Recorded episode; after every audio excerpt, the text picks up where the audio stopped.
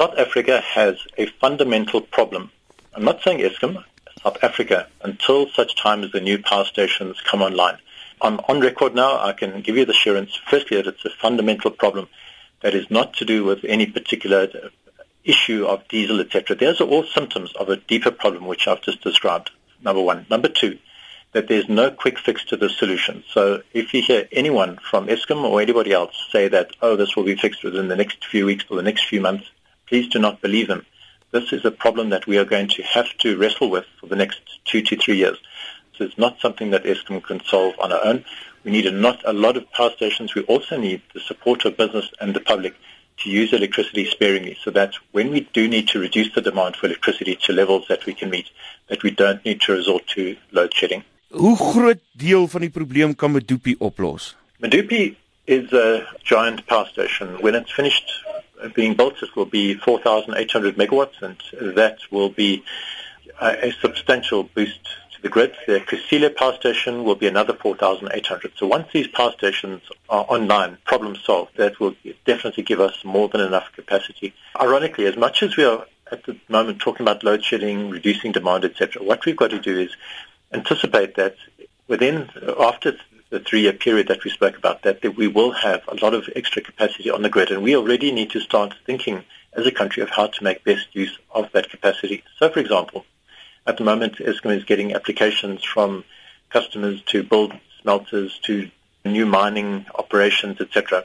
And we need to start to urgently consider giving the go-ahead for such projects, although it, it, may not make sense at the moment given the constraints.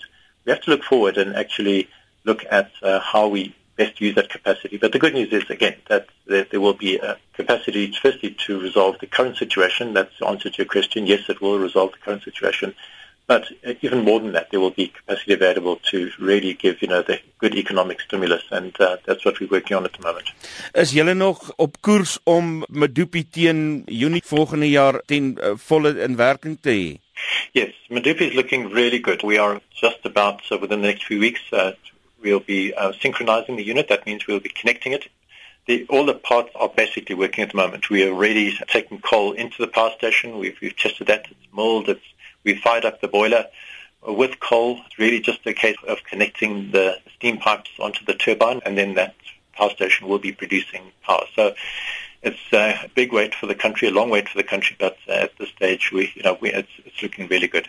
Heel wat luisteraars wat vir ons SMS'e gestuur het om te sê dat uh, volgens hulle waarneming sien hulle dat dit wat tradisioneel bekend staan as townships se ligte aan is as daar beurtkrag toegepas word. Kan dit wees en hoekom as dit so is?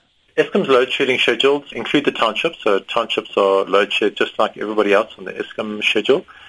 If there are particular townships supplied by municipalities which are not being load shed, then from Eskom's point of view, we you know we can't comment on that. We're not aware of that. The policy from our regulator is very clear that everyone needs to be on the load shedding schedule. And if there are instances where that is not happening, the best is to, re- to report those instances to our the regulator, the National Energy Regulator of South Africa, who will, you know, investigate and take the necessary action.